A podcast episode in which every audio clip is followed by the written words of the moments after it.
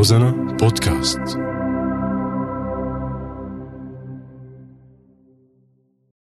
على سفرتنا اجتمعنا آه نحن وبيض الصحون. يا خيو نحن وبيض الصحون. ما في أذكى من أكلتنا عصولة محضرة. يا عيوني يا خيو عصولة محضرة. يا عيوني. وبكل رواق عم نتابع معكم على هواء راديو روزنا بعلق صولة. ومن جديد بتكون معنا الرائعة نضال بولاد مدونة الطعام وصاحبة قناة اليوتيوب نضال كيتشن مطبخ نضال. يعني ما زلنا بالوصفات اللذيذة والشهية والأسرار. يعني بنشوف وصفة بنقول كتير سهلة بس بدون ما ننتبه على الأسرار ممكن ما تنجح معنا. اليوم نضال معنا ووصفة جديدة وسر جديد ومن القلب للقلب يا نضال كيفك؟ تمام الحمد لله. طمنوني عنكم. نحن رواق رواق يعني بعد هالوصفات لازم ما حدا يقول شو بدي أطبخ. الله يخليك يا رب. تسلمي. اليوم اليوم اليوم وصفتنا حتكون شوي مختلفة وبعيدة عن البلاد العربية. بتصور هلا يلي عم يسمعني يعرف عن شو بدي أحكي. آه الوصفة يلي عن جد آه أنا بعتبرها إنه هي صاحبة الفضل بشهرتي وتعريف الناس عني وهي الجبنة الشركسية. شو بتختلف الجبنة الشركسية عن باقي أنواع الجبنة؟ آه. الجبنة الشركسية بتختلف عن باقي أنواع الجبنة إنه نحن ممكن نتحكم بدرجة الملوحة تبعها. ممكن نحتفظ فيها لأيام وممكن نحتفظ فيها لسنين. ممكن نحضرها لسنين. بالطريقة التقليدية ننشفها وممكن ندخنها. يا إلهي. آه إيه عن جد الجبنة الشركسية هي كانت آه من زمان زمان من 400 500 سنة وقت وقت يعملوها. أيام ما كان في حروب الفرسان ياخذوا أكلهم معهم كانوا ياخذوا معهم قوالب الجبنة. فبيضمنوا إنه ما بتنتزه يعني المقاتل معه أكله معه جبنته وطالع ومو همه شيء يا سلام. الحلو بهالجبنة هي آه، بالبرك كثير طيبة. كونه عم تتنشف آه، ما بيطلع منها مي آه، لذيذة. برمضان كثير أكله بيكون آمن بالنسبة للملح. يعني مه. بتتاكل على السحور ما بتعطش تاني يوم.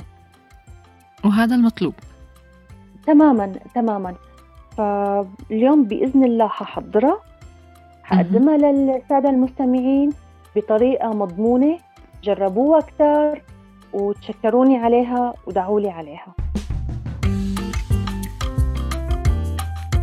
اليوم ما حنعمل كمية كبيرة حنعمل خمسة لتر حليب. الخمسة لتر حليب هي تقريبا بتعطينا قالب جبنة وزنه من الكيلو ل 900 جرام.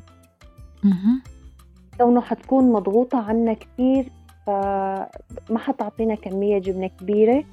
أه وكافية بتكون يعني لعائلة مكونة من أربع خمس أشخاص ممكن تكفيهم ليومين ثلاثة.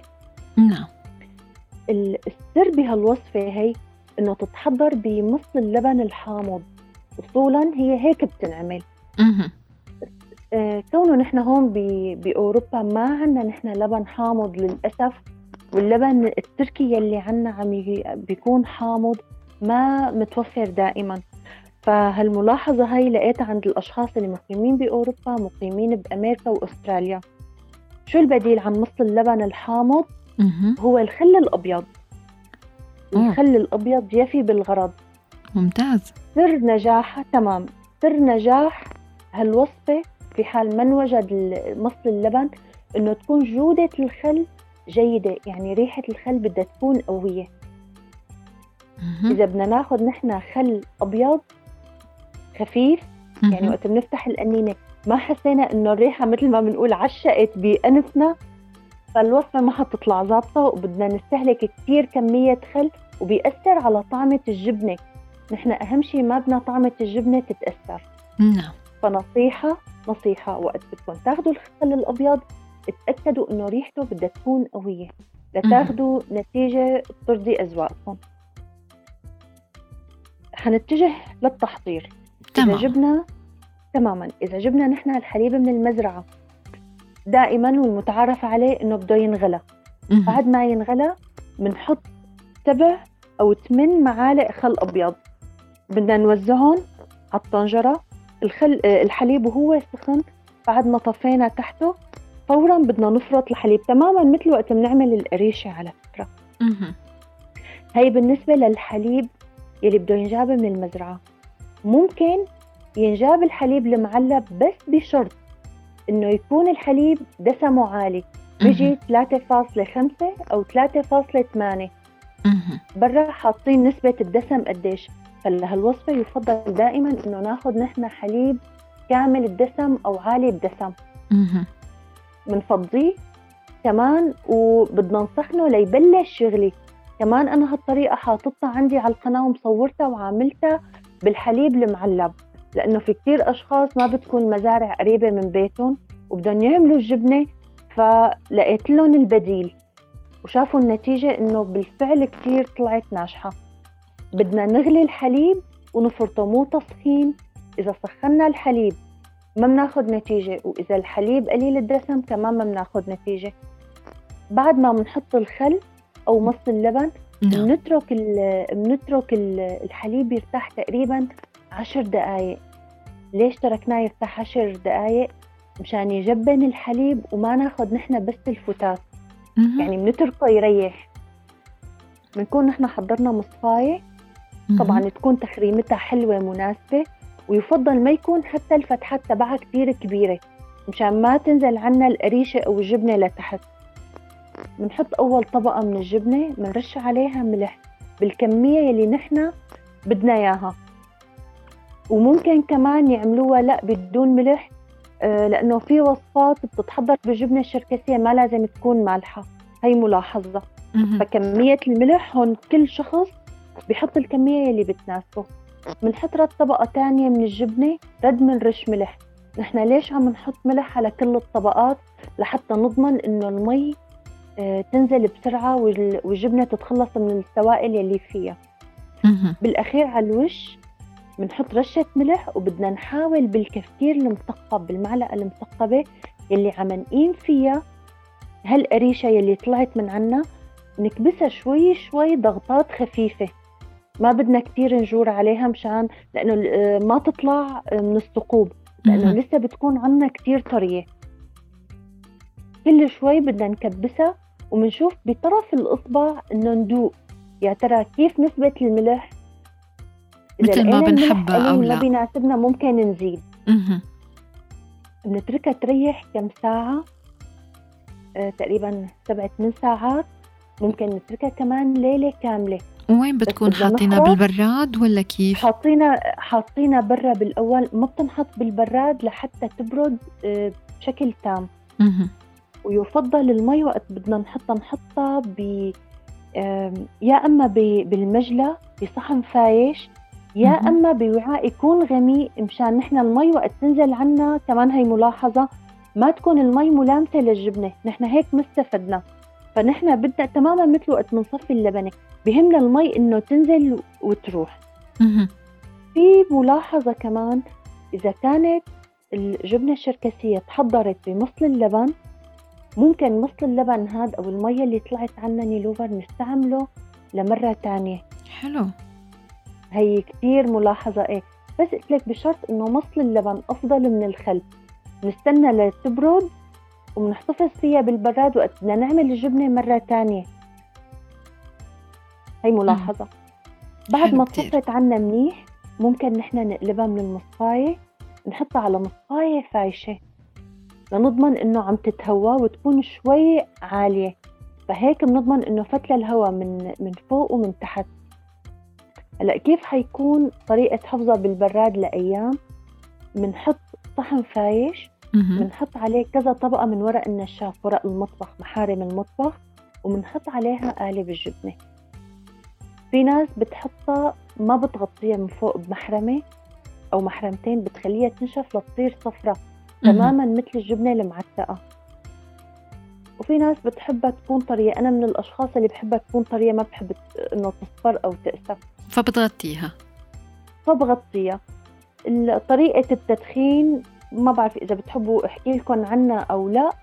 ما بعرف. للي إيه، بيحب. ممكن إنه نخبره كمان كيف بصير عملية التدخين. تماما.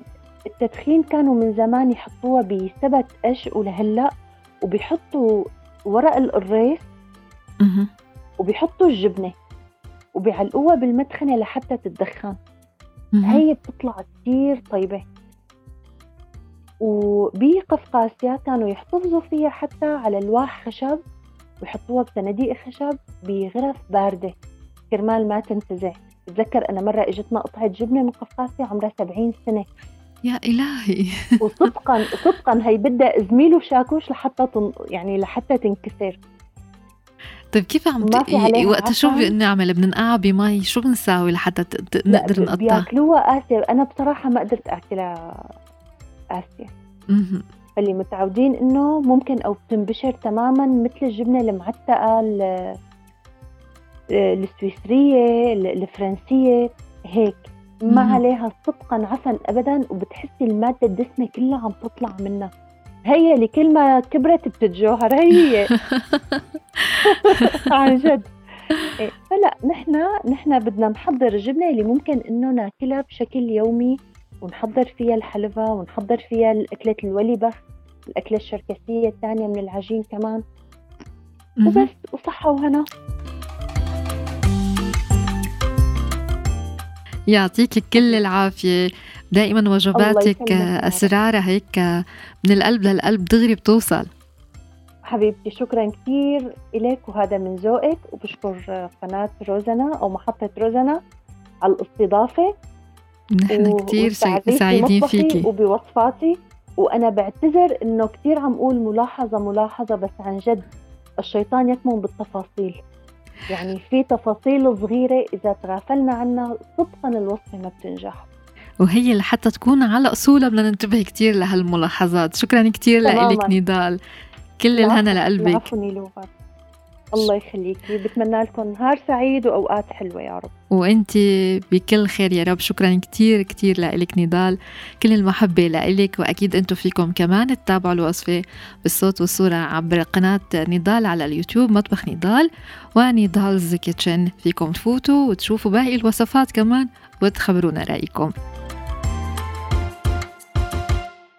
على سفرتنا اجتمعنا آه نحن وبيض الصحون يا خيو نحن وبيض الصحون ما في أذكى من أكلتنا آه عصولة محضرة يا عيوني يا خيو عصولة محضرة يا عيوني.